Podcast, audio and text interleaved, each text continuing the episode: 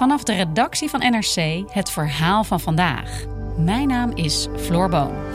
Onze dagelijkse podcast NRC Vandaag bestaat vijf jaar. Elke werkdag praten we je in 20 minuten bij over het verhaal van de dag. En vanaf nu kun je ons ook in het weekend horen met iets nieuws. Elke zaterdag brengen we een extra bijzonder audioverhaal. Luister NRC Vandaag nu iedere dag in je favoriete podcast-app. Klimaatverandering, bevolkingsgroei, stikstof, meer vraag naar plantaardig voedsel. De wereld verandert en de akkerbouw verandert mee. Op de nieuwe akker verbouwen we gezond voedsel, plantaardige eiwitten en groene alternatieven voor fossiele grondstoffen. Geef de akkerbouw daarom ruimte om te doen waar de sector goed in is. Waarde leveren uit onze akkers. Voedingswaarde, economische waarde, duurzame waarde. Ruimte voor de nieuwe akker.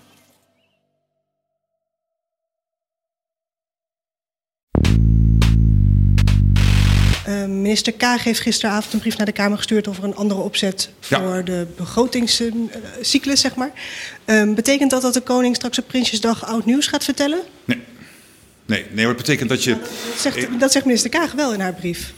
Dat, er, dat hij oud nieuws gaat vertellen. Nou nee, dat, dat er minder nieuws uh, gaat oh, vertellen. Oh ja, dan zeg ik ook niet dat ze het opgeschreven dat hij oud nieuws gaat vertellen. Dan had ik dat graag willen weten.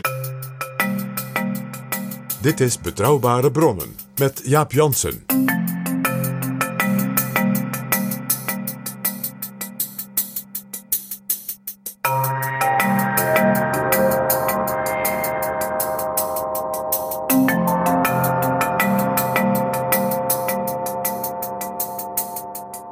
Hallo, welkom in Betrouwbare Bronnen, aflevering 268.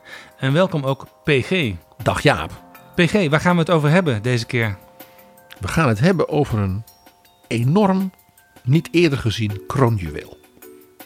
Een kroonjuweel? Van de staatkundige vernieuwing. Minister Kaag komt met een revolutionair voorstel dat echt een grote staatkundige vernieuwing inhoudt.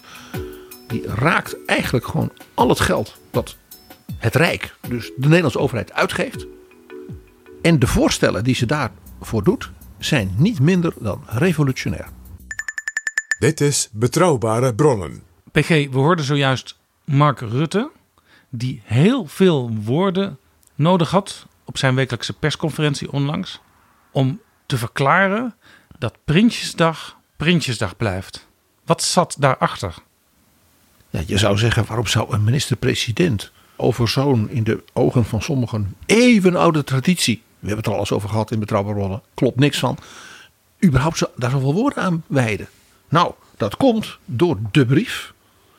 Kamerbrief begrotingsproces heet die. Van 13 april 2022.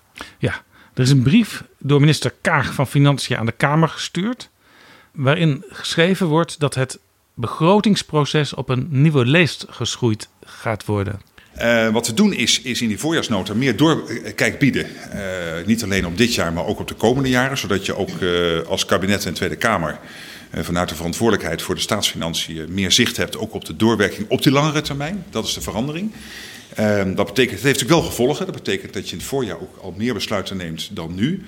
En dat klinkt allemaal heel technisch en, en, en saai. En, en Jaap, we gaan onze luisteraars meenemen hierin. En het is helemaal niet saai. Het is heel ingrijpend. Het is een aantal opzichten zelfs revolutionair. Uh, het schrijft als het kabinet en de kamers, bij de kamers, het hierover eens worden, absoluut geschiedenis. Ja, want Prinsjesdag, en dat was ook de reden dat Mark Rutte ernaar gevraagd werd, is nu zo'n beetje het, het hoogtepunt eh, van eh, alles wat met de begroting voor het nieuwe jaar te maken heeft. Dan wordt alles gepresenteerd en daarna vinden grote debatten plaats. De algemene politieke beschouwingen, de algemene financiële beschouwingen. En vervolgens alle begrotingshoofdstukken. Van alle ministers. En dan op 1 januari gaan die begrotingen al in. Dus dat moet allemaal heel snel, eerst door de Tweede Kamer, dan door de Eerste Kamer. De Eerste Kamer mag dan wel eens een beetje in de tijd smokkelen met het zogenaamde begrotingsdebat met die ministers. Maar eigenlijk gaat men ervan uit dat die minister dan wel al aan de slag kan. En wat staat er nou in die brief? Daar staat eigenlijk in, als je hem goed leest, dat de miljoenennota feitelijk al in het voorjaar naar de Tweede Kamer gaat. niet meer op Prinsjesdag, maar in het voorjaar. Alle belangrijke, zeg maar, hè, vandaar dat ik zeg staatkundige vernieuwing is dit, staatsrechtelijke, funderende documenten over de rijksbegroting. Dan gaat het dus over alle uitgaven van het Rijk. Dat is 50% van ons BBP, hè, van de overheid. Maar ook alle inkomsten van het Rijk. Dus dat is ongeveer hetzelfde bedrag, hè, als je niet een groot tekort hebt, in honderden miljarden van belastinginkomsten en andere inkomsten van het Rijk. En al die funderende documenten en de wijze waarop ze zullen worden zeg maar, behandeld en verantwoord en bediscussieerd en besloten met de Tweede en de Eerste Kamer gaan volledig op de schop. Ja, en dit komt niet uit de lucht vallen, want de Raad van State die heeft erop aangedrongen dat dat begrotingsproces vernieuwd wordt. En ook eh, de studiegroepen begrotingsruimte, dat zijn topambtenaren die de minister adviseren, eh, die hebben erop aangedrongen. Ja, die studiegroep begrotingsruimte is van groot belang hier. Want de staatsrechtelijke gedachte van de Raad van State, de wijze waarop zeg maar, klassiek de begrotingen werden voorbereid. Hè, en hoe klassiek ook die verantwoording is op Prinsjesdag en dergelijke, is versleten. Dat is in feite wat de Raad van State zegt. Mede onder invloed van natuurlijk de grote ja, financiële belang van Nederland voor bijvoorbeeld de Europese begrotingsprocessen. En denk ook eens even aan de voorbije jaren de enorme expansie, mede door corona, mede door de Green Deal en dergelijke, van die grote Europese investeringsprogramma's. Ja, het is niet zo gek dat met name de Raad van State hiermee is gekomen. Ja, want die wijst dus op dat principiële aspect hierbij. Ja. Hè, Dat het dus verantwoord moet zijn en gedegen en niet versleten moet zijn. En die studiegroep, die hoge ambtenaren, die zijn als het ware aan het werk gezet om ook bijna technisch ja, een nieuwe procedure te bedenken. Waardoor als het ware het kabinet en op tijd gedegen zich kan voorbereiden. En, en dat is een heel belangrijk punt hier, dat zowel de Tweede als de Eerste Kamer veel meer ruimte krijgen om minder haastig, minder zeg maar rommelig ook. eh, En meer als het ware, met als ware meer ook macht en tegenmacht, die begrotingen te behandelen. Inclusief dus ook dat bijvoorbeeld Europese perspectief erbij te nemen. Ja, want met name de Eerste Kamer die is vaak nog op de dag voor kerstmis bezig met het behandelen van begrotingen. Met heel veel anders stemmingen. kunnen die wetten niet ingaan per 1 januari. Ja, waarbij de Eerste Kamer die ook niet mag amenderen. Dus eigenlijk in een soort keurslijf gedwongen wordt om die begrotingen als in een enorm tempo te behandelen. Nou, wat moties in te dienen en dan tot s'avonds laat stemmen. Allemaal natuurlijk voor de goede bedoelingen dat het op, op tijd klaar is. Het staat ook nergens in de wet dat dat moet. Het is eh, meer traditie dan verplichting. En dat is dus een ingesleten proces waar bijvoorbeeld ook door de commissie Van Dam en de commissie Bosman natuurlijk ook is gewezen op dat dus de slordigheid en de uitvoeringsproblemen bij ingewikkelde wetgeving en regelgeving en grote complexen van de overheid daar natuurlijk ernstig eh, mee in het geding zijn gekomen. Ja, en het is niet voor niks dat de Raad van State als een van de eerste hier opmerkingen over gemaakt heeft. Want de Raad van State heeft al heel lang een traditie. Dat was bijvoorbeeld al zo onder het vicepresidentschap van Herman Tjenk Willink. Eh, maar zijn opvolger eh, Piet Hein Donner heeft dat voortgezet. En Tom de Graaf, die nu de vicepresident is, ook. De Raad van State heeft altijd een zeer scherp oog op ontwikkelingen in Europa. Soms een scherper oog dan kabinetten. Omdat de Raad van State, en dat is natuurlijk ook precies waarom ze die adviesrol heeft, met ietsje meer afstand naar het geheel kan kijken. En dat is ook wat hier nu, bij deze voorstellen, dus ook zo, hè, wat ik zei, bijna revolutionair is, dat het kabinet, hè, aangemoedigd door die hoogambtenaren en de Raad van State, er even een paar stappen terug heeft gezet en als daar heeft gekeken van hoe doen wij dit nu als regering. De Tweede Kamer moet uiteindelijk zijn eigen orde bepalen. Maar ze kijkt ook naar hoe wij met de, de- het parlement communiceren.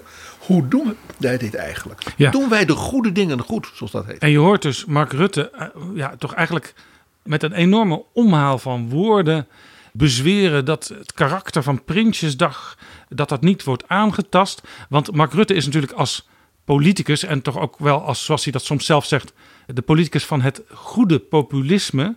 Eh, Er erg beducht voor dat er iets heel groots in Nederland gaat veranderen, omdat het zou moeten van Europa. Dat wil hij niet op zijn kerfstok hebben. Dus zegt hij eigenlijk, ja, er gaat niet zoveel veranderen. Nee, de gedachte dat je niet meer met hoedjes zou mogen lopen eh, vanwege Ursula von der Leyen is natuurlijk anathema, Jaap. U denkt niet dat dat een ceremonieel hoedjesfestijn gaat worden?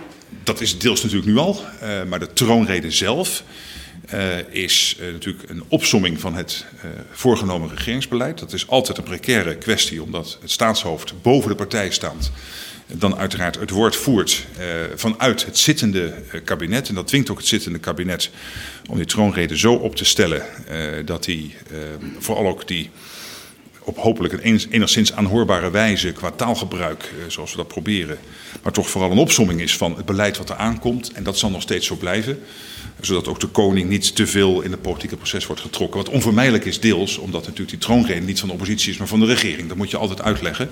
En de koning uiteraard uh, op dat moment uh, spreekt uh, als lid van de regering, maar uiteraard niet politiek verantwoordelijkheid neemt voor die regering. Mevrouw Kaag heeft dus een brief gestuurd en die is maar 12 bladzijden.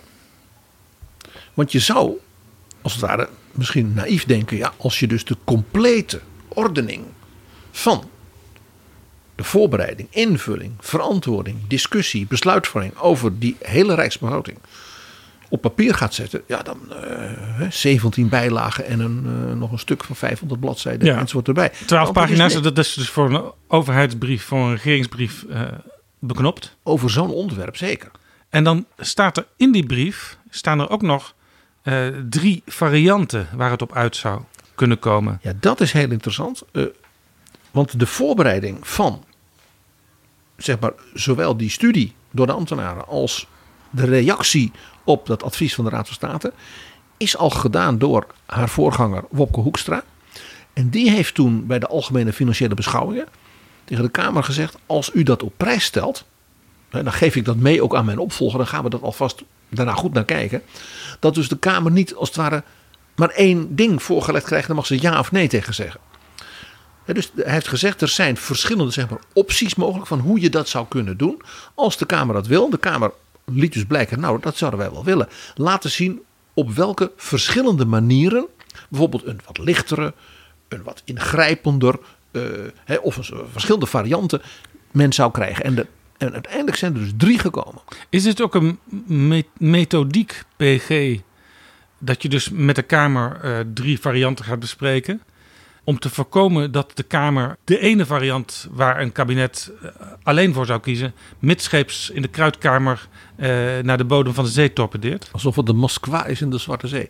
Nou, ik denk wat hier speelt, is dat het kabinet ook met verschillende, zeg maar, partijen en groepen in de Kamer als het ware hier het gesprek over wil voeren.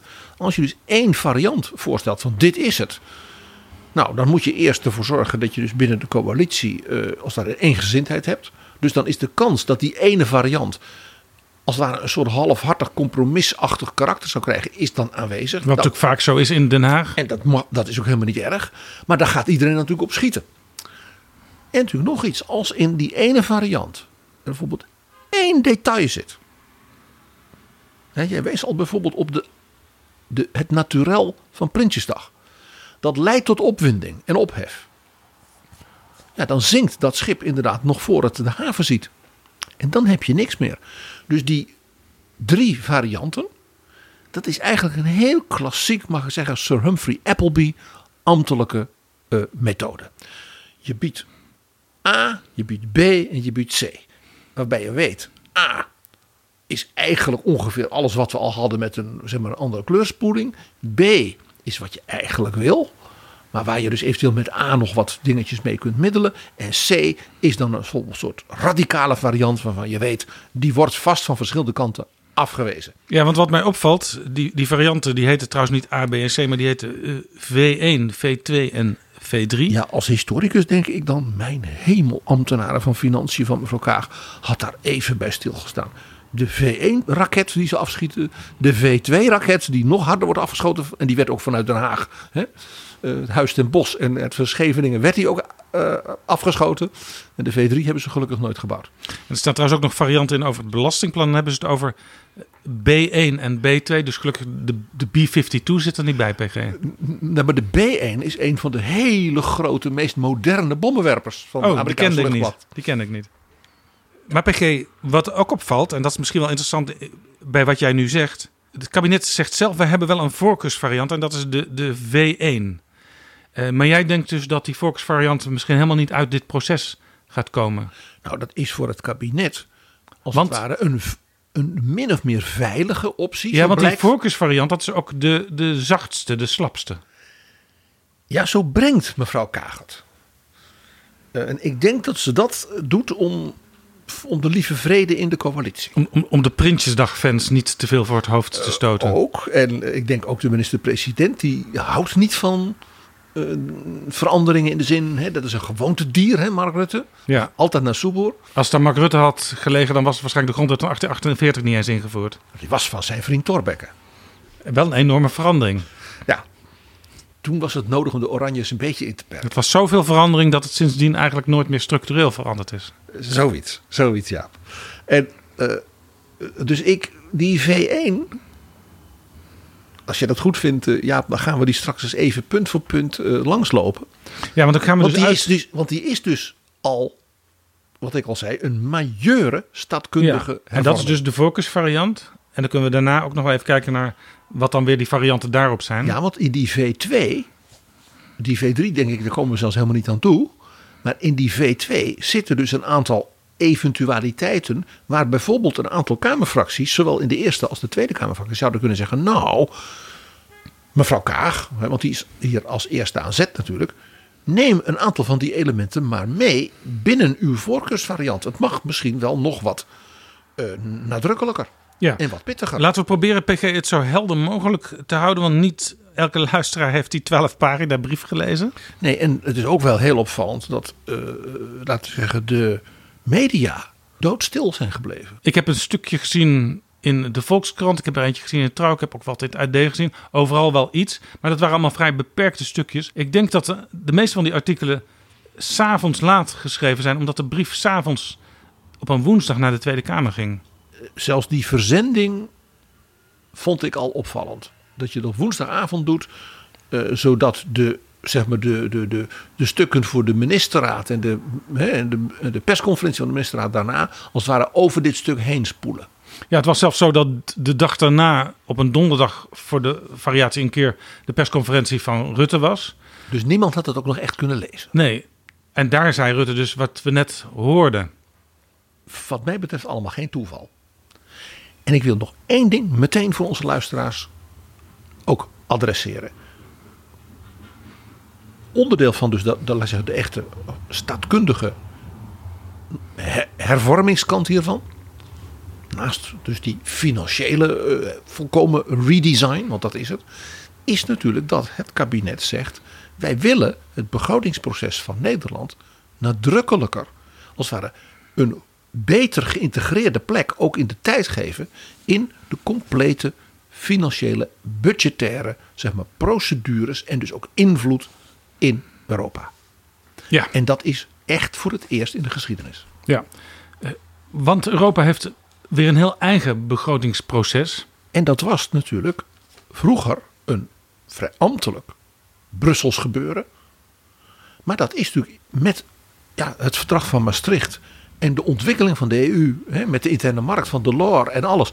En nu, nu recent, met de euro, met de eurocrisis en met de coronacrisis en alles. En die enorme expansie, die ook nu gaande is, mede onder druk natuurlijk van de oorlog in Oekraïne. Ja, moet eigenlijk... Betekent dat dus dat Nederland is een van de grote landen, als het gaat financieel in Europa, dat Nederland als het ware zijn eigen rijksbegroting en de besluiten daarover niet meer los kan zien, bijna van elke stap van wat je dus met elkaar in Europa doet. Ja, moeten even onderscheid maken tussen de begroting van Brussel zelf, die is relatief klein, neemt wel wat toe, maar is nog steeds relatief klein. Maar het gaat erom dat de begrotingen van de lidstaten, dat die veel meer dan vroeger op elkaar worden afgestemd. Omdat je bijvoorbeeld in de eurozone natuurlijk een gezamenlijk, zeg maar, coherent, ook op de wereldmarkt dus, effectief beleid moet voeren. Ja, er is natuurlijk al een, een begrotingskader waar elke lidstaat,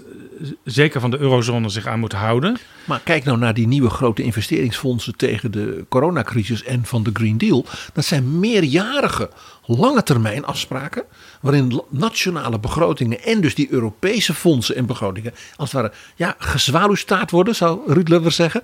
En je dus als het ware lange termijn uitgaven en investeringen die je in je nationale begrotingen misschien niet eens zo ziet, gaat realiseren. Waar je bijvoorbeeld je complete energietransitie mee moet doen. Ja. Dus ook dat is van essentieel belang voor dus die nieuwe redesign van de Rijksbegroting. En het interessante van de werkwijze van minister Sigrid Kaag is dat ze bewijst dat Europa binnenland is geworden. Uh, want zij gaat dus het, het Nederlandse systeem wil zij veranderen. Wil zij meer in de pas laten lopen met het Europese systeem. En tegelijkertijd neemt zij samen met haar Spaanse collega Nadia Calvino het initiatief om in Europa met al haar collega-ministers ook te praten over een modernisering van het begrotingssysteem en vooral van het begrotingskader. Dus bijvoorbeeld hoeveel staatsschuld mag je hebben, hoeveel begrotingstekort mag je hebben en hoe moet je ermee omgaan en hoeveel hervormingen zijn er per land nodig En- om dichter naar elkaar toe te groeien. En dat betekent dus dat als dus Nederland zijn ook meerjarenproces, want daar gaat het hier ook in belangrijke mate om, nadrukkelijk afstemt en als het ware effectief laat maken in dat Europese proces. Dat anders dan wat men vaak denkt, oh, weer nog minder nationale soevereiniteit. We gaan niet eens meer over onze eigen begroting onder druk van Brussel. Dat ik zeg, nee, het omgekeerde is wat hier gebeurt. Nederland versterkt hiermee als het ware zijn eigen invloed en zijn eigen impact in die gezamenlijke Europese lange termijn ook financiële strategie. Ja, PG, want misschien is het goed als ik even vertel hoe eh, de, de Europese begrotingscyclus verloopt. In Europa is er in maart altijd een Europese raad en daar pra- praten de regeringsleiders natuurlijk op aangeven van de minister van Financiën wat de economische uitdagingen zijn waar de EU voor staat. Dus de Europese Raad, dat is dus niet de commissie van mevrouw von der Leyen. Dat zijn dus Macron, Scholz, Ja, Rutte onder zijn leiding dus de van Charles nationale Michel. lidstaten. En die kijken dan ook wat de lange termijn strategie moet zijn. En op zo'n lange termijn strategie kun je natuurlijk begrotingen enten. En daarom vraagt Europa, de commissie, die vraagt aan de lidstaten of ze in april een plan willen opstellen voor hun economische ontwikkeling op middellange termijn. Dus dat is een middellange termijn plan dat als het ware een nationale vertaling vormt van die lange termijn strategie. Ja, en waar je dus de jaarbegrotingen weer op kunt enten. En die plannen komen dus in april binnen bij de Europese Commissie. De Commissie maakt een voorstel per lidstaat. En dat wordt uiteindelijk door de Raad van Regeringsleiders wordt dat goedgekeurd. Want de commissie is als het ware de adviseur en die legt dus voor aan de Europese Raad en de regeringsleiders van dat was jullie lange termijn strategie. Dit zeggen de lidstaten, dit zeggen onze experts en hier zien wij nog wel wat witte vlekken en de Raad moet dan besluiten. Ja, en, en die, die witte vlekken, zeg maar de landenspecifieke aanbevelingen zoals dat heet, die gaan in de maanden daarna ook nog naar de, naar de landen toe. En de lidstaten moeten dan zelf hun begroting opstellen, definitief maken. En uiteindelijk eh, moet voor 15 oktober die hele begroting klaar zijn. Dus in, in, in die zin, ja, Prinsjesdag is nog wel voor 15 oktober. Ja, maar wat je dus ziet is dat, en dat was waar de Raad van State met name in zijn advies nogal scherp op wees, dat dus in dat voorjaar in feite de minister-president van Nederland in die Europese Raad met de collega's een aantal grote lange termijn dingen als het ware toetst en als het ware aanscherpt hè, naar de toekomst. Elk jaar natuurlijk weer een stapje verder. Eh, En ook met de nieuwe omstandigheden in de economie, geopolitiek enzovoort. Dat de Europese Commissie aan de hand van de gegevens van de lidstaten, hè, dus van elke lidstaat als het ware, met een advies komt naar de Raad. Van ga dan bijvoorbeeld tegen Finland dit zeggen en tegen Cyprus dat. En dat de Raad dat vaststelt. Ja. Maar dat de minister-president in Nederland een beetje dus in zo'n voorjaar in een soort vacuüm eh, functioneert. Ja, want hij moet iets naar Brussel sturen. Maar pas in juli, augustus is het in Nederland zo dat dan als het ware die conceptbegrotingen hè, met die sessies. En de ambtenaren gaan dan eh, in de zomervakantie, die werken die door. En dan als het kabinet terug is, eh, nou zeg maar eh, 10 augustus, dan heb je nog zo'n serie ministerraden, zodat men nog net op tijd op klaar is op Prinsjesdag. Ja, dus het is en een dat, beetje dat loopt een- dus niet synchroon. Een beetje een schaduwspel wat Rutte dan speelt met Brussel. Hij zegt, ja, we, we doen het ongeveer zo. We kijken er goed naar. Maar de details, die zien we pas eh, richting Prinsjesdag. En dat is dus ook voor dus die ingrijpende lange termijn eh, financiële eh, investeringen en beslissingen in Brussel lastig als een groot.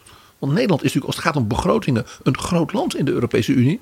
Eh, als het ware zegt, ja jongens, sorry, sorry, we moeten even wachten Ja. tot de koning Ja. met, en de hoedjes er zijn. Een, een land ook met altijd veel pretentie naar andere landen als het gaat om begrotingsbeleid. Daar zeg je nog iets bij, de psychologie hiervan. Nederland weet het altijd ontzettend goed, hè? Vingertje. En de- die zuidelijke lidstaten die geven het geld uit aan drank en vrouwen, weet je wel nog, Ja. Dijsselbloem. En dan is een beetje raar dat wij in april zelf nog niet de details kunnen geven. Dat de minister-president zegt, ja, zo ver zijn wij nog niet. Dus ook de psychologie speelt hier een rol. Want dat betekent dus dat als de Nederlandse minister-president in die maanden in dat voorjaar met de collega's, hè, bijvoorbeeld uit de eurozone, een aantal strenge eh, conclusies, of met de frugals hè, en de, de, de, de Hanse-liga, eh, strenge dingen zegt tegen Portugal. Nou, dat hebben we dus ook wel eens gehad. Dat premier Santos van Portugal toen een keer hè, uit de slof schoot. Omdat je daar heb je ze weer. En daar speelt dit natuurlijk een rol. Zodat ook daarmee dus de invloed en de acceptatie van dingen die Nederland zegt, dus minder is. Ja, en je vertelde, eh Wopke Hoekstra heeft als minister deze ja, trendwending eh, al, al voorbereid. Daarom dat ook mevrouw Kaag zo snel na het aantreden van het kabinet met zo'n, eh, mag ik zeggen, eh, eh, ingrijpende staatkundige vernieuwing kan komen. Ja, en wat ik zeg, een soort financieel kroonjuweel. Als je het regeerakkoord eh, doorleest, dan zie je op verschillende punten ook, Zinnetjes. ook de ja. invloed van D66, die veel meer pro-Europa is altijd geweest dan de VVD bijvoorbeeld. Laat, laat staan de ChristenUnie. Ja. Ehm, en, en Wopke Hoekstra, die dat steeds meer is geworden, hoewel sommige landen in Europa daar misschien anders over denken, maar ehm, zeg maar de, de, de, de gegroeide macht van D66 is ook in zo'n plan terug te zien. Dat zullen we nog afwachten. Ja, dat zullen we afwachten. Ik vond in het coalitieakkoord destijds al, we hebben het er al toen over gehad kort, het al opvallend dat dus die voorbereidende werkzaamheden van Hoekstra en dat advisering van de Raad van State al doorklonken in dat coalitieakkoord. Ja, je moet dus met. Alleen de toen, dat was echt voor de fijnproevers, was Ja. dat zo'n passage waar wij toen ook beide geloof ik op gewezen hebben van hier staat iets aan te komen. En ik, ik had toen het idee, daar gaat mevrouw Kaag zeggen halverwege de kabinetsperiode, ja, uitgebreide voorbereiding en dat dan aan het eind van de kabinetsperiode hè, zoiets dan doorgevoerd kan worden. Het meest opmerkelijke was dus ook die plotselinge eh, woensdagavond, halverwege april, het kabinet zit er net. Men heeft dus haast. Ja, en eh, premier Rutte zegt altijd: als ik zo door mijn oogharen kijk, als je dus door je oogharen naar het coalitieakkoord kijkt, dan zie je allerlei dingen die er niet heel dik bovenop liggen, maar die er wel in staan. En in feite was Rutte op die persconferentie ook weer bezig met eh, ja, een beetje bezweringsformules, terwijl er heel wat kan gebeuren.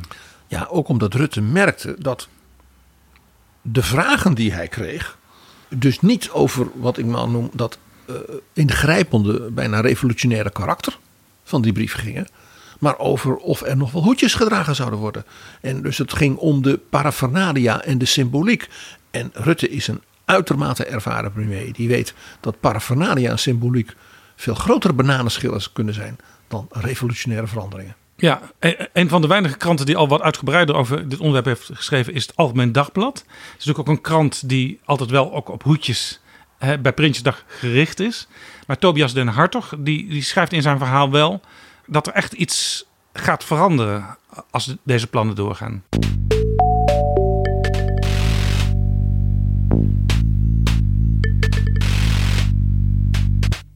Ja, zullen we eens even gewoon punt voor punt langslopen wat er nou eigenlijk in die brief staat? Ja, Wat gaan ze nou eigenlijk doen? Wat wil het kabinet doen? en dan kijken we naar dat voorstel, die, die focusvariant V1. Ja, we beginnen met de voorkeursvariant van het kabinet zelf. Eh, men heeft dan toegelicht in een aantal bladzijden waarom verbeteringen nodig zijn. Wat de Raad van State zegt. waar het Europese dilemma ook hierbij zit. eh, en er welke verbeteringen er denkbaar zijn, zodat ook de Tweede Kamer, met name de brief is aan de Tweede Kamer, eh, zijn eigen rol beter kan spelen daarbij. Mevrouw Kaag, dat is een opvallend element, gebruikt in die twaalf bladzijden relatief veel eh, zeg maar, spreektijd. eh, om de Tweede Kamer te vertellen dat ze haar werk veel beter kan gaan doen. En met ze bedoel je dus de Tweede Kamer. Zeker. Het eerste is dat het kabinet in feite zegt: wij gaan wat we nu de voorjaarsnota noemen.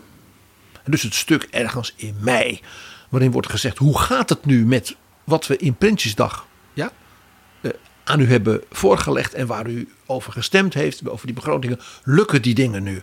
Zijn er tegenvallers? Zijn er meevallers? Zijn er dingen waarvan we zeggen dat gaan we even vertragen om te voorkomen dat dingen misgaan en dergelijke? Ja, de voorjaarsnota die komt binnenkort naar de Tweede Kamer.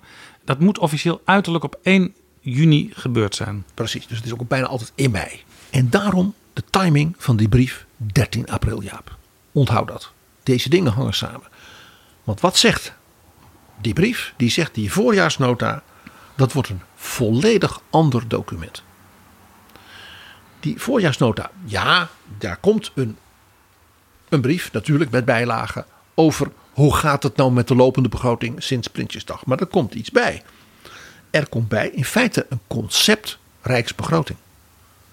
Dus een soort voorfase stuk van wat eigenlijk pas op Prinsjesdag zou worden ingediend. En dat zou een onderdeel zijn, ook nog, van een nog groter document. Waar dus die voorjaarsnota, oude stijl, dat concept rijksbegroting, nieuwe stijl. En dus een nieuw document inkomen, namelijk een meerjarig overzicht van de uitgaven van de regering. Dus een soort meerjarenbegroting. Ja, en die doet dus heel erg denken aan wat dan Rutte in maart heeft besproken met de collega in de Europese Raad. Met dan dus dat, ja, die stukken die in april, dat zijn dus dan deze stukken, ja, die dan in die nieuwe voorjaarsnota, die niet meer zo zal heten, in feite naar de Tweede Kamer gaan. Die zijn dus mede voortgebouwd op dat stuk. En misschien zelfs al kunnen ze meenemen in mei een aantal van die landenspecifieke opmerkingen voor Nederland. Ja, dat is heel interessant, want eh, de Europese Unie werkt zelf voor, voor de eigen begroting met een zevenjarige planning. En het doet me ook weer een beetje denken aan eh, het he- Nederland van heel lang geleden. Want eigenlijk pas sinds 1848, Thorbecke, hebben we een jaarlijkse begroting. Koning Willem I, toen hij aantrad en hè, zijn tamelijk autocratische bewind in Nederland doorvoerde. Dus geïnspireerd door zijn schoonfamilies hè, in Sint-Petersburg. Toen was er een rijksbegroting van 10 jaar. Dat gaf tenminste zekerheid. En had de koning ook armslag om dingen te doen die hij zelf wilde. Ja. Een echte autocraat, Ja. hè, die doet dat zo. De Belgen vonden het niet voor niks, helemaal niks. Dus we zien nu een nieuw fenomeen, namelijk dus dat de uitvoering van de lopende begroting ja, komt dus in het kader te staan van het concept van de komende begroting.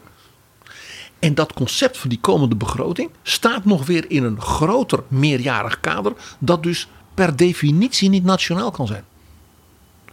Vandaar dat ik zei: dit is een staatkundige hervorming van grote allure. Ja, dus je zou kunnen zeggen, als alle Europese lidstaten op deze manier met hun nationale begroting omgaan in de toekomst, eh, dan, dan wordt Europa ook financieel veel meer een, een, een veelkleurig mozaïek wat in elkaar ingrijpt.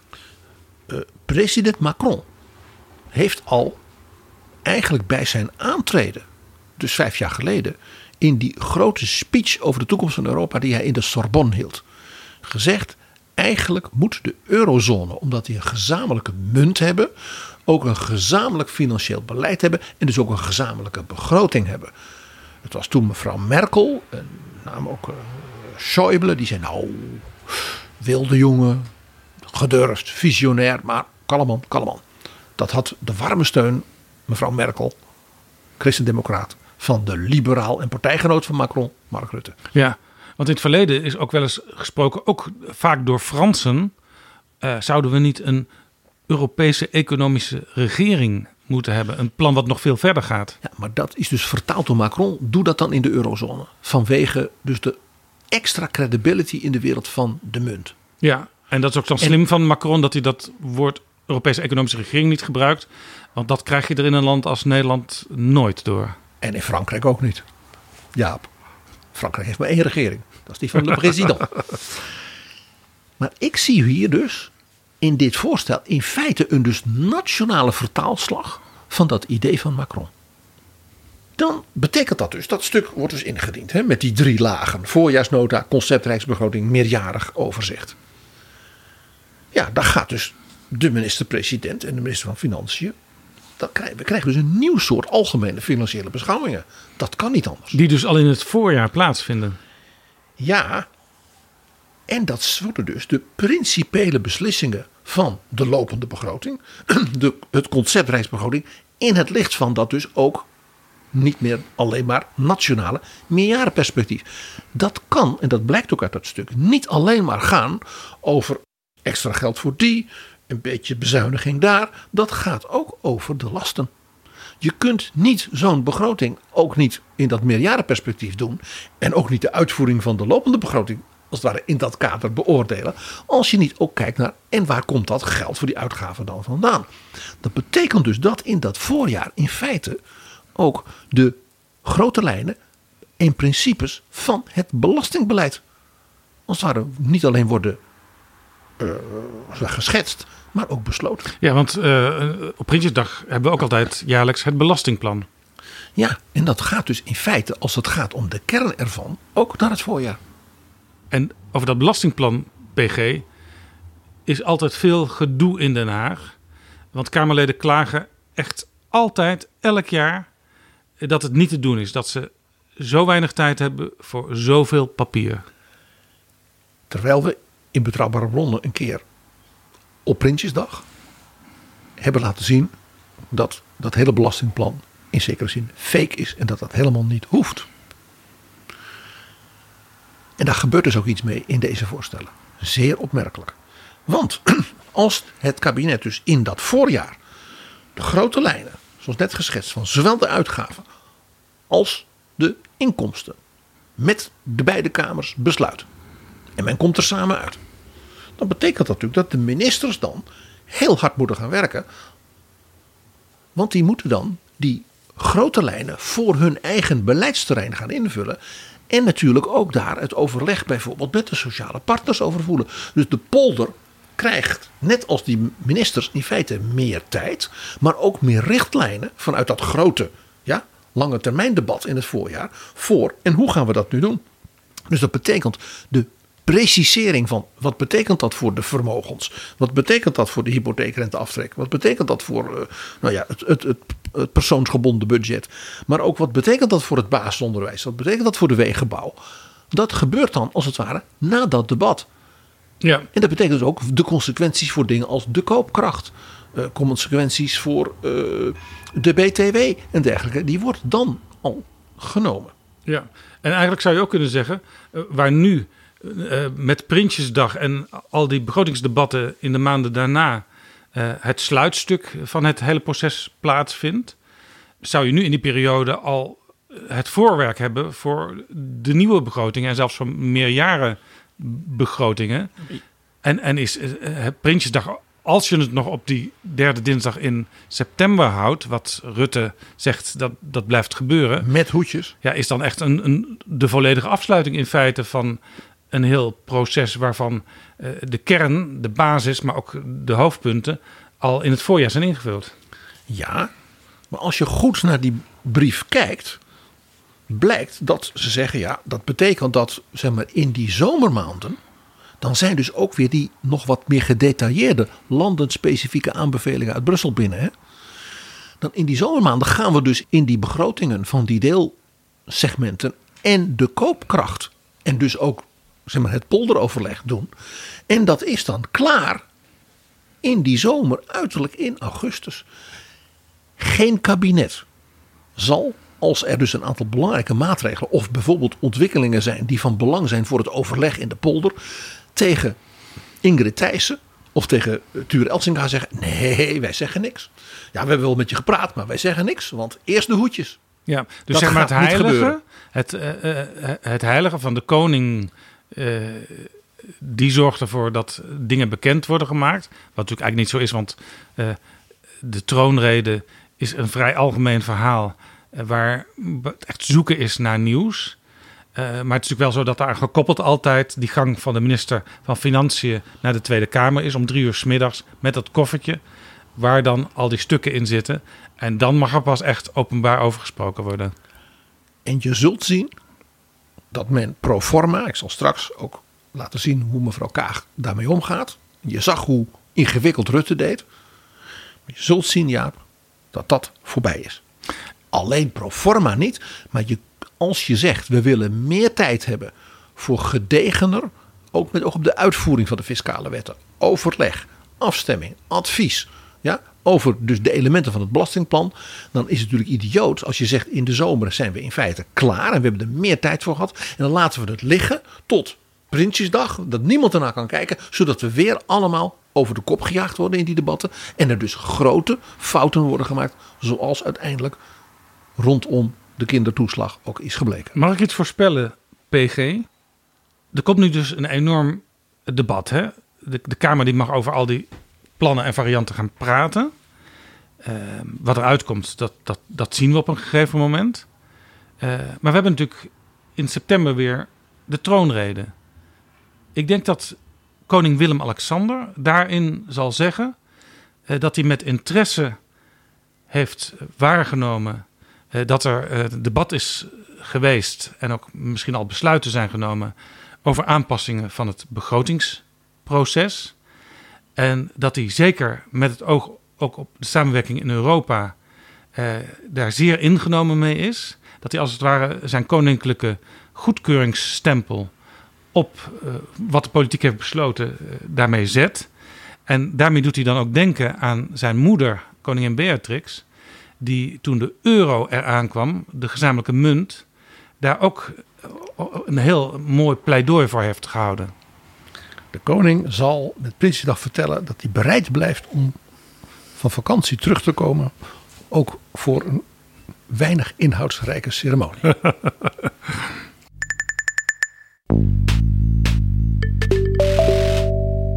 Dit is Betrouwbare Bronnen. Een podcast met betrouwbare bronnen. Jaap, even nog waarom dit dus zo, zo, zo, zo pregnant is mevrouw Kaag schrijft dat door het zo te doen de beide kamers meer tijd krijgen om zowel dus die grote lijnen echt met het kabinet diep te bespreken. Wat vaak bij de algemene financiële beschouwing meteen na Prinsjesdag vanwege de actualiteit en de tijdsdruk alweer snel wordt vergeten. En dat, daar heeft Kaag dus ook gelijk in. Want het begrotingsproces gaat in feite uh, trager. Althans, er is meer ruimte om naar de inhoud van allerlei uh, onderdelen en fases te kijken. En de Kamer heeft het eigenlijk nooit zelf uh, geïnitieerd om bijvoorbeeld als Mark Rutte of de andere premiers voor hem in maart bij die Europese Raad zijn en dat dan gebeurt, om daar dan gewoon een groot Europees financieel meerjarig beleidsdebat over te voeren. Want dat Europa, dat vinden de mensen niet leuk en laat hem dat maar doen. Ja, nou ja, en, en ministers hebben het ook nooit gewild vanwege het heilige van Prinsjesdag. Zo is dat. Dus mevrouw Kaag zegt, door in het voorjaar dat zo te organiseren, kunnen we dat nu wel doen. En we kunnen dus dan al de grote lijnen ook van de schets van dat belastingplan bespreken. En zo formuleert zij, zo kan de Kamer meer inhoudelijke samenhang in de besluitvorming realiseren. Dus zegt dus nog iets bij.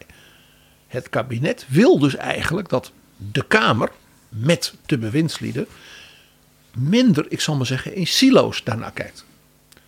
En dus dat je dan zegt, oké, als we zien dat in de arbeidsmarkt er dus grote tekorten aan mensen zijn. En dat het aantal mensen dat voor techniek kiest, ja, tegenvalt. En dat we tegelijkertijd uh, uh, een discussie in Europa hebben over arbeidsmigratie. Zullen we dan in die meerjarendiscussie de, zeg maar, de minister van Sociale Zaken, de minister van Onderwijs, de minister van Economische Zaken, ja, en misschien zelfs de bewindspersoon verantwoordelijk voor Europa is ook nog eens even bij elkaar brengen van en wat betekent dit nu voor ons voor die uitwerking door die ministers in de zomer richting dus de behandeling in het najaar. En wat zegt uh, mevrouw Kaag? In feite betekent dit dus dat het kabinet met deze voorstellen het budgetrecht van de Tweede en de Eerste Kamer versterkt. Waarbij ze dus meer tijd krijgen en dus ook kritischer. Ja? En misschien dat de Kamer ook zelf dan hoorzittingen en meer onderwerpen ook kan agenderen. En nou, vul maar in. Uh, dat ook echt kan doen. En tegelijkertijd men daarbij zichzelf ook weer bindt aan de uitkomsten van die lange termijn beslissingen. En dus ook de langere termijn visies die partijen dan ook op tafel moeten gaan leggen. Ik kijk dan voor de komende jaren er zo naar. En dat betekent dus dat ik ook als partij met dit soort voorstellen ga komen naar het kabinet. Dit is interessant, want de minister van Financiën heeft in de Nederlandse situatie een hele zware rol in het kabinet. Het is niet voor niks dat Sigrid Kaag als leider van de, de nu tweede partij van het land die post claimde in het kabinet. Dus het is bijna, je zou kunnen zeggen, een soort uh, super vicepremierschap, minister van Financiën. Maar wat we nu zien is dat de Kamerleden die financiën doen, in dit nieuwe systeem, als dat doorgaat, ook gedurende het jaar een veel zwaardere rol gaan spelen. Nou, ik denk dat als de Kamer alleen al deze voorkeursvariant 1, waarvan dus het kabinet je hoort het Rutte ook zeggen, doet alsof er eigenlijk niet zo heel veel verandert. Serieus bekijkt dat de Kamer zelf misschien wel moet, moet zeggen: wij gaan onze eigen interne werkwijze aanpassen, zodat we als Kamer nog veel beter, als het ware, voorbereid dat debat in dat voorjaar kunnen doen. Ja, je zou ook kunnen denken. Want dat kun je niet alleen maar doen van nou, dat doen de leden van de commissie Financiën wel. Nee, en we zien wel op Prinsjesdag. Je zou ook kunnen denken aan gewoon uh, zeg maar de Kamerleden die hun begrotingsbehandelingen in het najaar hebben, dat die ook al een soort voorbehandeling, een soort voorwas doen met de vakministers in het voorjaar. Op basis van dus die langere termijn, dat langere termijnstuk, plus die concept reisbegroting, plus die voorjaarsnota over de lopende begroting. Ik zou het de Kamer van harte aanbevelen. Ja. En ook thematisch, dus meerdere ministers rondom een onderwerp van hoe gaat u dat uitwerken? Zodat we niet in het najaar een half jaar later concluderen dat u niet veel verder bent gekomen. Dit betekent overigens wel dat de Kamer als een geheel toch bij zichzelf te raden moet gaan. Als het gaat om allerlei debatten die nu vaak plaatsvinden. Die gaan over korte termijn problemen. Uh, dingen die in de krant staan waar de Kamer meteen een debat over wil. Ja, daar heb je dan minder tijd voor als je je meer met de grote lijnen en de langere termijn wil bezighouden. Maar dat vergt dus wel en voor Kamerleden een, omslag hebben. in het denken en functioneren. En Jaap, ik wijs hier toch maar even op het advies van de Venetië-commissie. Dat de Kamer ook nog steeds niet behandeld heeft. Nee. En daarmee raak ik bij een ander punt. Want dit betekent volgens mij dat het kabinet, nota bene, als eerste komt met een concrete, ingrijpende set voorstellen en hervormingen die de complete Rijksoverheid, hè, zijn begroting, ook zijn inkomsten en de verantwoording daarover betreffen in de vorm van wat wij zouden noemen de nieuwe bestuurscultuur. Dit is echt nieuwe bestuurscultuur. Kijken naar grote lijnen, meerjarig, dat vervolgens ja, inhoudelijk invullen, inclusief de vertaling naar koopkracht en uitvoeringszaken, daar de tijd voor nemen. En vervolgens ook altijd weer kijken: Nederland is geen eiland. Dit staat in een internationaal Europees perspectief. Waarin we onze invloed eerder willen versterken ja, dan verzwakken. Dit is nog eens een nieuwe bestuurscultuur. Tweede is natuurlijk dat dat ook heel concreet is. Wat, wat mij dus zo opvalt, dat is zo concreet. Drie varianten met zelfs in elke variant een tijdlijn van wie gaat dan wat doen wanneer. Er komt dus een compleet nieuw moment in de Nederlandse zeg maar, politieke, parlementaire agenda. Van hele grote betekenis. En dat is ja, dat, dat debat. Uh, hè, dus ergens in de lente, als het ware, wat gekoppeld is aan dat wat ze in Europa noemen het Europees semester van de begroting. Dus ik noem dat maar het semesterdebat over en de voorjaarsnota en het concept uh, Rijksbegroting hè, voor nadere uitwerking. En dus die lange termijn consequenties daarvan, mede in dat Europees perspectief. Dat betekent dus dat de beide kamers dan hun visie op dat punt met het kabinet moeten delen. En vervolgens ook daar conclusies moeten verbinden van kabinet werkt dan dat aspect zo uit. Kabinet, als u dit doet, willen wij dat u met de sociale partners ja, tot die en die dingen een sociaal akkoord bijvoorbeeld sluit. Of voordat we dit doen, willen we uit Europa zeker weten dat Nederland bijvoorbeeld daarop kan rekenen. Ja, je zou dus bijvoorbeeld kunnen verwachten dat er in zo'n voorjaarsdebat, eigenlijk in, in die verschillende debatten die er dan per vakgebied ook plaats gaan vinden. Maar ook één groot ja, dat er ook een aantal, semesterdebat. per debat een aantal conclusies worden getrokken. Misschien vervat in moties, maar misschien ook wel gewoon omdat de minister het eens is met de Kamer dat daar geen moties bij hoeven. Maar waar dan later in het proces weer aan getoetst kan worden van... hé hey minister, wat heeft u daarmee gedaan? Ja, en bijvoorbeeld dus ook dat voor 1 juni, want dat, hè, dat is het mooie, dat moet voor 1 juni in feite de kerndata en beslissingen van het belastingplan al zijn genomen. Ja. En dat is natuurlijk in het licht van de problematiek die we dus de voorbije jaren en het geklaag van de Kamer volkomen begrijpelijk op dat punt eh, hoorden, van eh, ingrijpende betekenis. In zekere zin zou je kunnen zeggen dat, dat eh, ehm, de, de rol van de Kamer, die nu heel erg ligt eh, vanaf Prinsjesdag, eh, dat die in feite meer over het hele jaar verspreid wordt. Ja, zoals dus de brief zegt, het budgetrecht van de Kamer wordt. Maar dan hoor ik de minister als daarin een soort tussenin zeggen, als de Kamer dat zelf wil en ook ziet, versterkt. Zoals ook als het de invloed en de positie en de, zeg maar, de timing van Nederland in dat Europese overleg wordt versterkt. Als Nederland dat wil. Ja, het is dus ook een voorbeeld van hoe je het, het nationale belang met het Europese belang kan verenigen. Ja, en dus die nationale positie in dat Europese belang kunt versterken. Nou, dat betekent dus dat die uitwerkingen van die ministers, hè, ook bijvoorbeeld die grote thematische uitwerkingen van meerdere ministers, het overleg met de sociale partners, de polder, de koopkrachtplaatjes die dat opleveren, dat dat dus in augustus klaar is. Het is dan natuurlijk gewoon niet verantwoord met oog op tijdige uitwerking enzovoort enzovoort enzovoort. Om dan te zeggen ja, maar dat blijft dan gewoon een maand liggen. Dus mevrouw Kaag schrijft dan ook heel omvloerst dat Prinsjesdag toch niet helemaal het Prinsjesdag van vroeger zal zijn. Prinsjesdag en de troonrede eh, blijft van groot belang. Want zij schrijft, ik lees nu voor, dat zowel de troonrede als zeg maar, het aanbieden van het koffertje, de algemene financiële beschouwingen, de algemene politieke beschouwingen, en dan staat er, ik lees voor, als traditie in stand blijft. Ja, ja. Oftewel, ze verdwijnen als echt zwaarwegend, ja, eh, zeg maar, sleutelmoment. Als traditie blijft het in stand. U denkt niet dat dat een ceremonieel hoedjesfestijn gaat worden? Dat is deels natuurlijk nu al. En dan, in een, eh, dat staat in tabel 3.1. Ja, we hebben opgelet. Maar staat er verderop in de tekst, ja, je moet dus die teksten naast elkaar leggen. Dan staat er ineens, karakter troonrede veranderd. Aangezien al een eerste debat is geweest over de beleidsvoornemens. Ehm, betekent dat dat de koning straks op Prinsjesdag oud nieuws gaat vertellen? Nee. En hier blijkt dus uit dat het debat, wat ik maar noem het semesterdebat in het voorjaar, is het debat over de beleidsvoornemens. En de troonrede verandert van karakter. En vandaar dus die ingewikkelde bezweringsformules van Mark Rutte.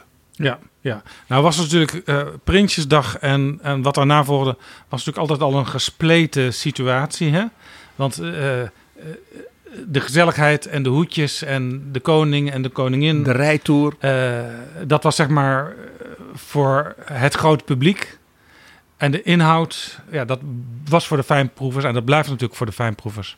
Alleen die inhoud weten we als het gaat om de essentialia in feite in mei. En in augustus hebben we dus de logistieke, financiële en sectorale uitwerkingen daarvan. En om het verhaal daaromheen wordt een strik gedaan. En dat is dan Prinsjesdag.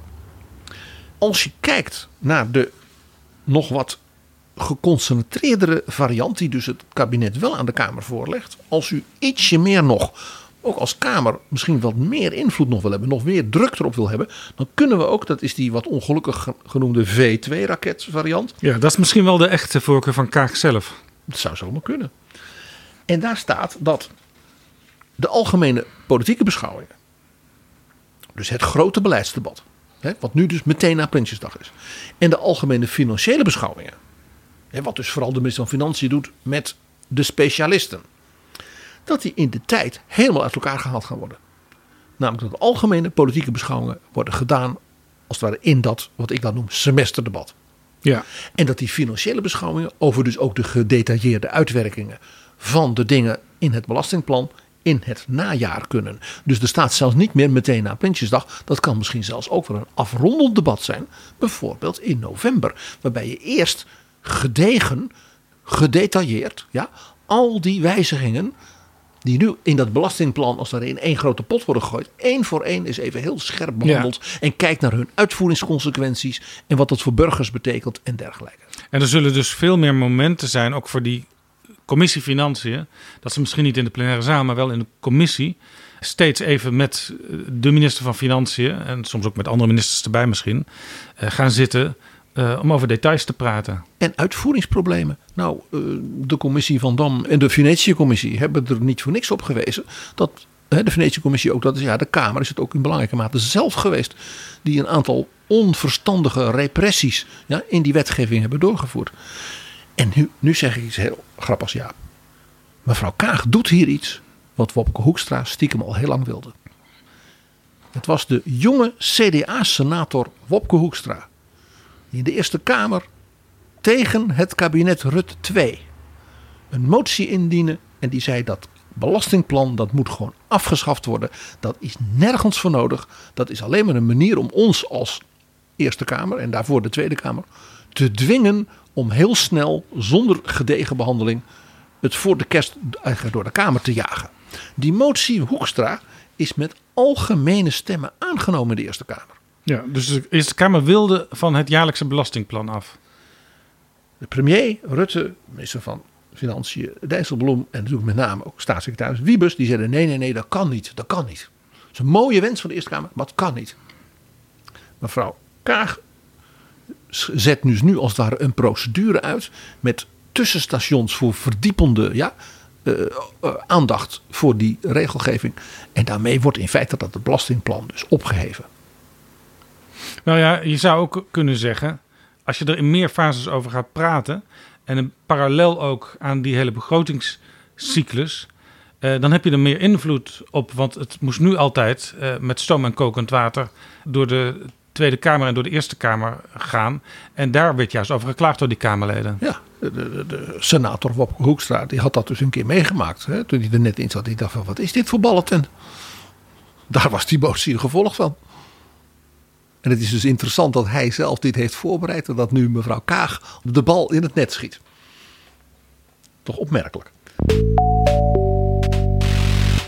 Eén ding is wel opvallend in het stuk. En dat is dat waar wij het al even over hadden, die Europese begrotingssystematiek met dat semester, dat de brief eigenlijk niet veel verder komt dan, met, dan de mededeling: we kunnen het nu beter op elkaar afstemmen. Ja. Het lijkt wel alsof men daar niet helemaal uit is gekomen. En dat is opmerkelijk, want de Raad van State in zijn advies is op dat punt nogal, nogal expliciet. Die zegt dat kan gewoon. Ja, of misschien is het toch ook hier nog een beetje uh, dat oude idee van uh, je moet niet te veel over aanpassen aan Europa praten. Dat het een beetje meel in de mond is. Ja. Want als ik nu naar, zelfs als ik kijk naar die voorkeursvariant V1. En zeker als ik kijk naar die V2-variant, waarin wordt gezegd: ja, we gaan gewoon de algemene beschouwingen fundamenteel in het voorjaar doen. En pas later in het najaar, dus Prinsjesdag, wordt helemaal losgemaakt van die debatten, die financiële uitwerkingen. De, de algemene financiële beschouwingen.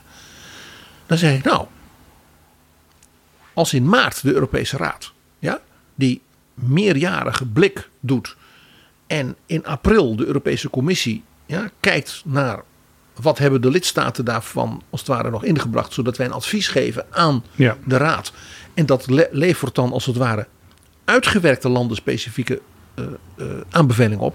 Dan zeg ik, dat kun je prima hierbij op afstemmen. Maart betekent dus dat het stuk dat het kabinet voorbereidt, ja, die nieuwe uh, semesternota met die drie verschillende componenten, wordt meteen als het ware meegenomen, die grote lijnen uit Europa. Die landenspecifieke aanbevelingen kun je er ook nog in verwerken. Die komen dus in dat debat in mei voor 1 juni aan de orde. In juni, komt de Europese Commissie dan met die, zeg maar, meer gedetailleerde landenspecifieke aanbevelingen. Die verwerk je dus door die verschillende ministers. En die komen dan keurig mee in augustus Ja, wat, ja, naar buiten. Heel interessant, want er staat inderdaad een tabel in de brief. waarin precies per variant staat aangegeven hoe dat in de loop van het jaar uitwerkt.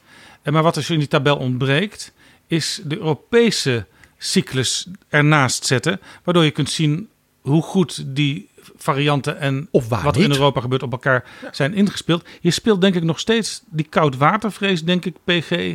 Dat je niet te veel naar Europa wil wijzen, want daar gaan mensen dan weer over klagen. Maar de mensen in Nederland die zijn inmiddels al een stuk verder.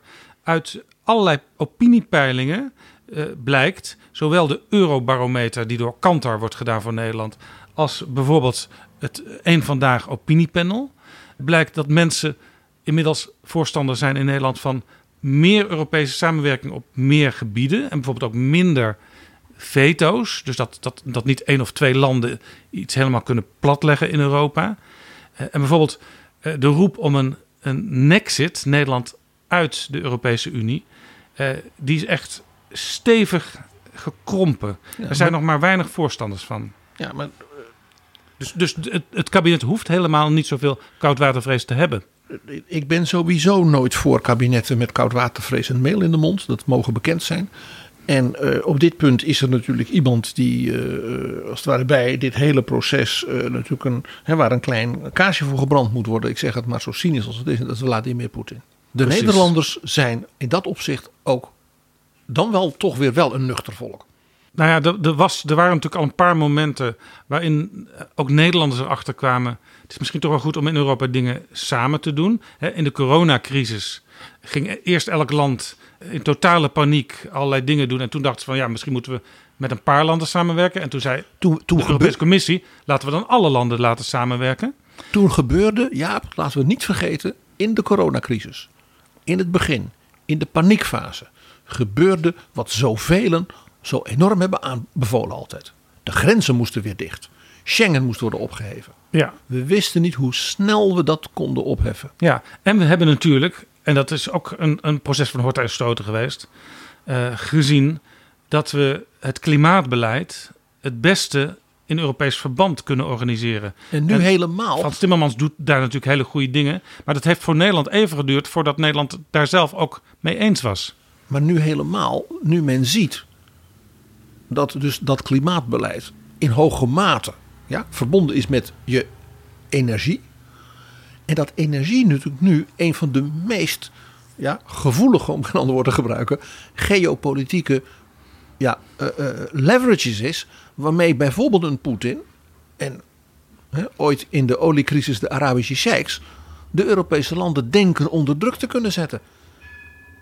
Kortom, Kaag die mag straks in eh, de debatten over deze ideeën best wat steviger en duidelijker zeggen eh, hoe zich dit verhoudt eh, tot het Europese systeem.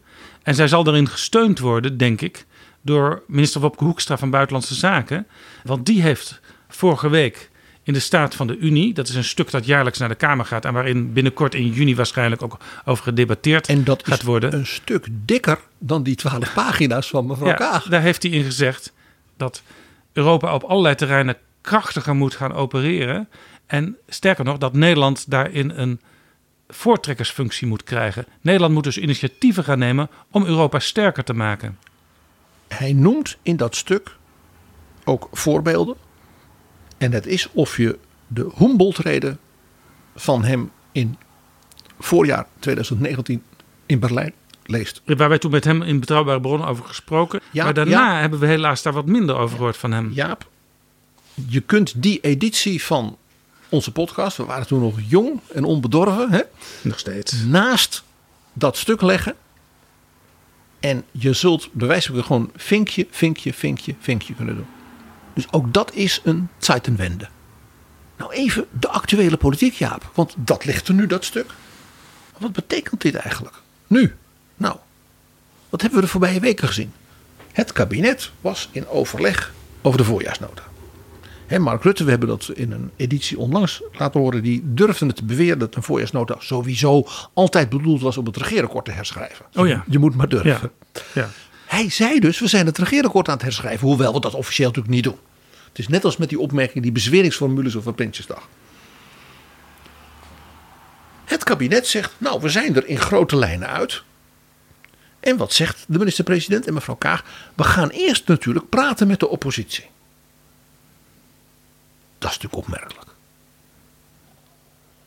Maar als je kijkt naar deze herinrichting van de manier waarop dus de rijksbegroting en de debatten met de kamers en de verantwoording wordt georganiseerd, is dat helemaal niet vreemd. Want in feite, wat men daarmee doet, is dat men tegen de oppositie zegt: zullen wij als het ware in mei al zo'n debat gaan voeren, zoals in die brief geschetst. Ja. Namelijk de grote lijnen, de voorjaarsnota uitvoering, de blik vooruit, concept rijksbegroting. En we kijken dat in dat brede, ook internationaal Dus PG, er komt gedurende het hele jaar meer ruimte voor overleg met de Kamer, dus met de oppositie. Ja, en de, door de oppositie nu uit te nodigen mee te doen, wordt de oppositie als het ware ook een mededrager van die nieuwe inrichting. En kan daar dus ook invloed op uitoefenen. Dus en dat is voor mij ook de reden waarom het kabinet bijna in een achterloos moment hier en daar aan de Eerste Kamer allemaal concessies deed naar aanleiding van het debat over het regeerakkoord in de Eerste Kamer. Denk aan de jeugdzorg, denk aan andere punten waarbij het kabinet zei als de Eerste Kamer daar zo grote, grote moeite mee heeft, dan komen wij met nieuwe voorstellen. Dat past natuurlijk in de manier die eigenlijk in deze brief is geschetst. Namelijk dat je op grote lijnen met die beide kamers praat. Dat je zegt, we hebben goed naar jullie geluisterd. We werken dat uit.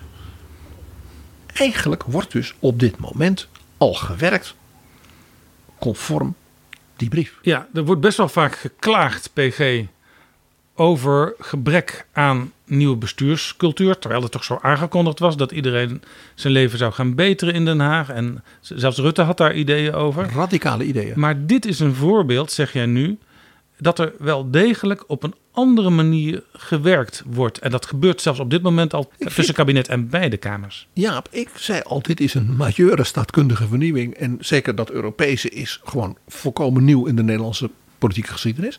En ik zei al wat plagerig. Dit is dat radicale idee waar Mark Rutte het voortdurend over had, dat hij had, maar wat hij nooit concreet maakte. Ja, je zou ook uh, ondeugend kunnen zeggen dat dankzij Europa de Tweede Kamer en de Eerste Kamer meer invloed krijgen op het beleid.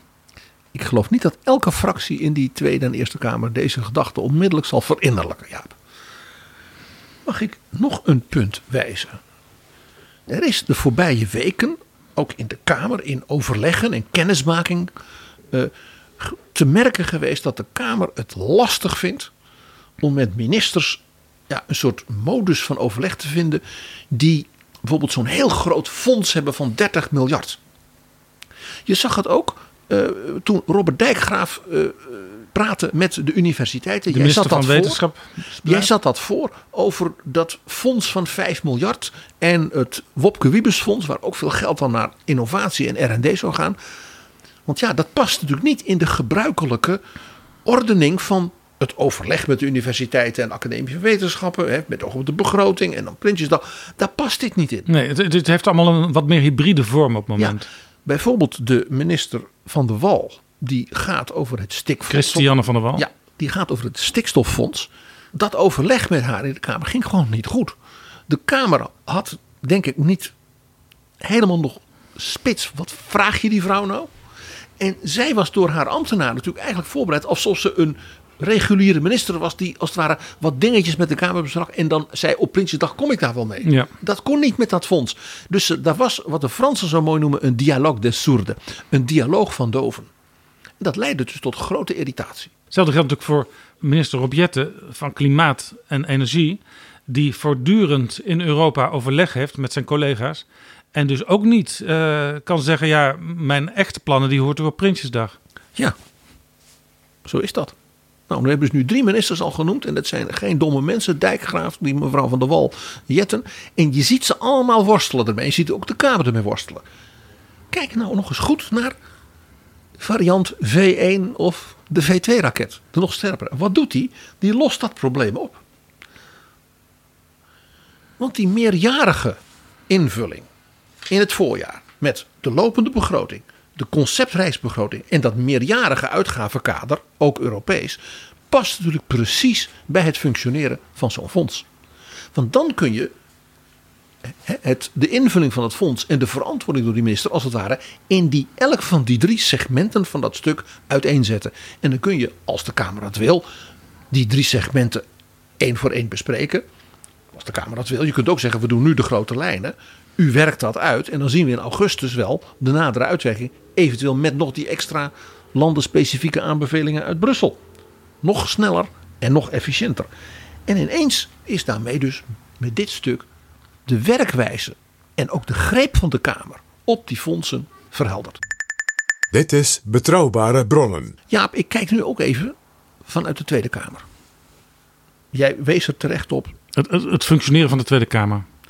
Mevrouw Bergkamp heeft zelfs een hele soort nota uitgebracht over hoe gaan we met elkaar om. We moeten het beter organiseren. Bergkamp, maar vooral ook van der Staaij, commissie van der Staaij, die heeft heel specifiek naar de werkwijze van de Kamer gekeken. En er is natuurlijk de zogenaamde Jettengelden. Rob Jetten als fractieleider van D66 heeft het initiatief genomen en kreeg daar steun Ja, voor. in de En- vorige periode al. Ja, en het vorige kabinet heeft gezegd: wij, wij gunnen de Kamer dat, wij vinden dat ook heel belangrijk. dat de Tweede Kamer betere bestaffing moet hebben, daar meer armslag moet hebben. En dat kost gewoon geld. Ja, en wat blijkt nou in de praktijk? Dat best wel wat fracties een groot deel van dat geld helemaal nog niet gebruikt hebben. En dat er ook fracties zijn die het toch maar weer in voorlichting hebben gestoken. Dus nog meer voorlichters op het Binnenhof. Ja, er moeten filmpjes worden gemaakt van de debatten, ja. ja ik- ik ben een beetje cynisch, excuus luisteraars. Dit is natuurlijk voor de Kamer, als de Kamer zichzelf toch eens serieus neemt hier. Hè, en dat Venetië-rapport is Ja, behandeld. altijd veel, veel gepraat en geroep over een nieuwe bestuurscultuur. Doe wat dan. Zeg dan die jettengelden. Dat is best een aardig bedrag. En in het coalitieakkoord staat dat er zelfs voor zeg maar, verdieping van de ondersteuning van, op expertbasis van de Kamer nog meer extra geld komt. De Tweede Kamer moet dus tegen minister Hanke Bruinslot zeggen: kom maar met dat geld. Dit is wat wij ermee gaan doen. Wij gaan dus bij die nieuwe herinrichting eh, steviger contra-expertise vragen. Wij gaan eh, thematische eh, hoorzittingen doen met experts. En dus ook bijvoorbeeld Europese experts in het licht van die lange termijn kant. Maar we gaan ook de uitvoeringsproblemen, gaan we dus uitvoeringsorganisaties bevragen. Gaat dat lukken of krijgen we weer zo'n kindertoeslag ellende? Of zo'n leenstelsel waarvan iedereen zegt, nou dat geeft allemaal niks. En dus, dus de, de studenten zitten bij enorme schulden. En daar gaan we dus werk van maken. Dus dat is ook als er hoe de Kamer als het ware kan reageren naar het kabinet. En ik denk ook naar de burgers. Door te zeggen, wij gaan dus heel serieus werk hiervan maken. En daarmee, eh, ja, minder spoeddebatjes, minder ditjes en datjes. En dat is het nieuwe van de nieuwe bestuurscultuur. Ja, interessant. eh, Dat hele rapport van die commissie van der Staaij. eh, dat, dat kan dus eh, een nog veel versterktere uitwerking krijgen. Op basis ook van deze plannen van minister Kaag. Ja, ik, je begrijpt, ik ga natuurlijk nu een halve minuut vragen voor een oud pleidooi van mij. Dit stuk van mevrouw Kaag, deze brief, is natuurlijk een impliciete uitnodiging aan de Tweede Kamer om zoals het congres in Amerika heeft, een Congressional Budget Office in te richten. Dus een Tweede Kamer begrotingsdienst met experts, mensen een beetje zeg maar, algemene rekenkamer, wetenschappers, eh, hele slimme, ervaren ambtenaren van misschien wel in de 60. Ja, die je erop zet en die voor de Tweede Kamer contra-expertises maken, dingen uitrekenen. De ministers als het ware daarmee helpen lastigvallen met de echte goede vragen. Want de macht in de politiek ligt vaak in de begroting. Eh, bijvoorbeeld het Europees Parlement, dat eh, vroeger helemaal niet zoveel eh, in de melk te brokkelen had, dat heeft via bemoeienis met de begroting steeds meer macht naar zich toe kunnen trekken. Want eh, vroeger wa- waren de Europese begrotingen heel erg algemeen, hele grote bedragen en daar had dat parlement geen greep op. Ze zijn daar steeds meer eisen gaan stellen. En slim geworden En op een dus. gegeven moment waren ook de begrotingsspecialisten in het Europees Parlement de machtigste parlementariërs. Jaap, ik ga nu een Britse diplomaat citeren uit de 16e eeuw. Je kent me. Die zat maanden in Madrid en mocht dan ook regelmatig op het Escoriaal komen waar koning Philips II, hè, ook heer der Nederlanden, dat enorme Spaanse wereldrijk regeerde. Ik heb er dus over verteld. Die man werkte 16, 17 uur per dag. Alle stukken werden door hem gecheckt en zelfs verbeterd. Een ongelooflijke ijver en toewijding had die man. En toen heeft hij in een brief aan koningin Elisabeth geschreven: His Majesty is a most diligent prince. With his pen and his purse he rules the world. Met zijn pen en zijn beurs regeert hij de wereld. Zei hij dus tegen zijn bazin, de koningin van Engeland Ja. een parlement dat begrijpt dat het budgetrecht inhoudt dat jij dus kunt sturen met je pen en je purse, is een parlement dat er staat. Eén ding, Jaap. Die ministers, dus de collega's van mevrouw Kaag, die moeten deze brief ook nog maar eens goed lezen. Want dat betekent iets voor hen. Als zij dus in dat voorjaar, in dat wat ik maar noem die semesternota, niet de essentiële ideeën van hun beleid voor zichzelf spits hebben. Ze hebben de drie, vier dingen die ze echt willen. En kunnen realiseren ook in meerjarenperspectief. Als ze dat niet hebben, dan blijkt dat natuurlijk in augustus bij die uitwerking. Ja. Wat denk jij dat de sociale partners, eh, het onderwijsveld, de bouwwereld, de mensen van het milieu, wat die zullen zeggen tegen de minister, die dan eigenlijk niks uitgewerkt blijkt te hebben, want die heeft niet zo'n veel ideeën en plannen. Dus dit zet ook die ministers, en ik denk daarmee dus ook die maatschappelijke organisaties, hè, de civil society, voor het blok. Wat is je visie en wat ga je doen? Tot slot, PG. We hadden het er al over. Prinsjesdag is in vele ogen een, een heilig moment. Daar mag je eigenlijk niet aan morrelen. Prinsjesdag en de troonrede eh, blijft van groot belang. U denkt niet dat dat een ceremonieel hoedjesfestijn gaat worden? Nou, dingen waar je niet aan mag morrelen, eh, die staan meestal in de grondwet. Want ja, de grondwet is heel lastig te veranderen. Het kost heel veel tijd. Daar heb je heel veel steun voor nodig in het parlement. Daarom komt dat referendum er ook weer niet. Ik heb artikel 65 erbij gepakt, want dat artikel gaat over Prinsjesdag. En daarin staat: jaarlijks op de derde dinsdag van september of op een bij de wet te bepalen eerder tijdstip wordt door of namens de koning in een verenigde vergadering van de Staten-Generaal een uiteenzetting van het door de regering te voeren beleid gegeven. Dat is interessant, want er staat dus eigenlijk niks in over eh, wanneer de begroting gepresenteerd moet worden, wanneer die behandeld moet worden. Dat staat niet in de grondwet. Eh, er staat alleen maar dat er ergens in het jaar, op de derde dinsdag van september, of op een heel ander moment, als het maar niet later dan die derde dinsdag is, En als het maar aan de Verenigde Vergadering is. ja, en door de koning, En Jaap, over het te voeren beleid. en Jaap, jij weet dat die derde dinsdag in september een proces is van agendering die in de loop van decennia veranderde. Het is november geweest, het is allerlei momenten geweest. Die derde dinsdag is gewoon ontstaan doordat men meer tijd nodig had naarmate het complexer werd voor het zeg maar, ordenen van de begroting. En in feite is deze brief van mevrouw Kaag, hoezeer ik hem dus ook een echte staatkundige vernieuwing, dus een soort financieel politiek kroonjuweel van haar, vindt eh, een gebruikelijke stap in een heel lang proces in Nederland van hoe wij onze dingen regelen, inclusief die ceremonies. Dankjewel, PG.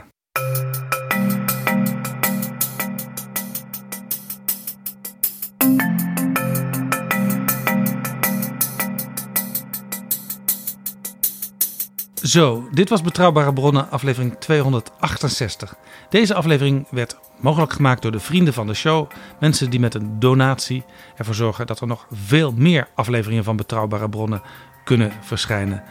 En in de volgende aflevering zullen we weer wat nieuwe vrienden noemen. Tot volgende keer. Betrouwbare bronnen wordt gemaakt door Jaap Jansen in samenwerking met dag en nacht.nl.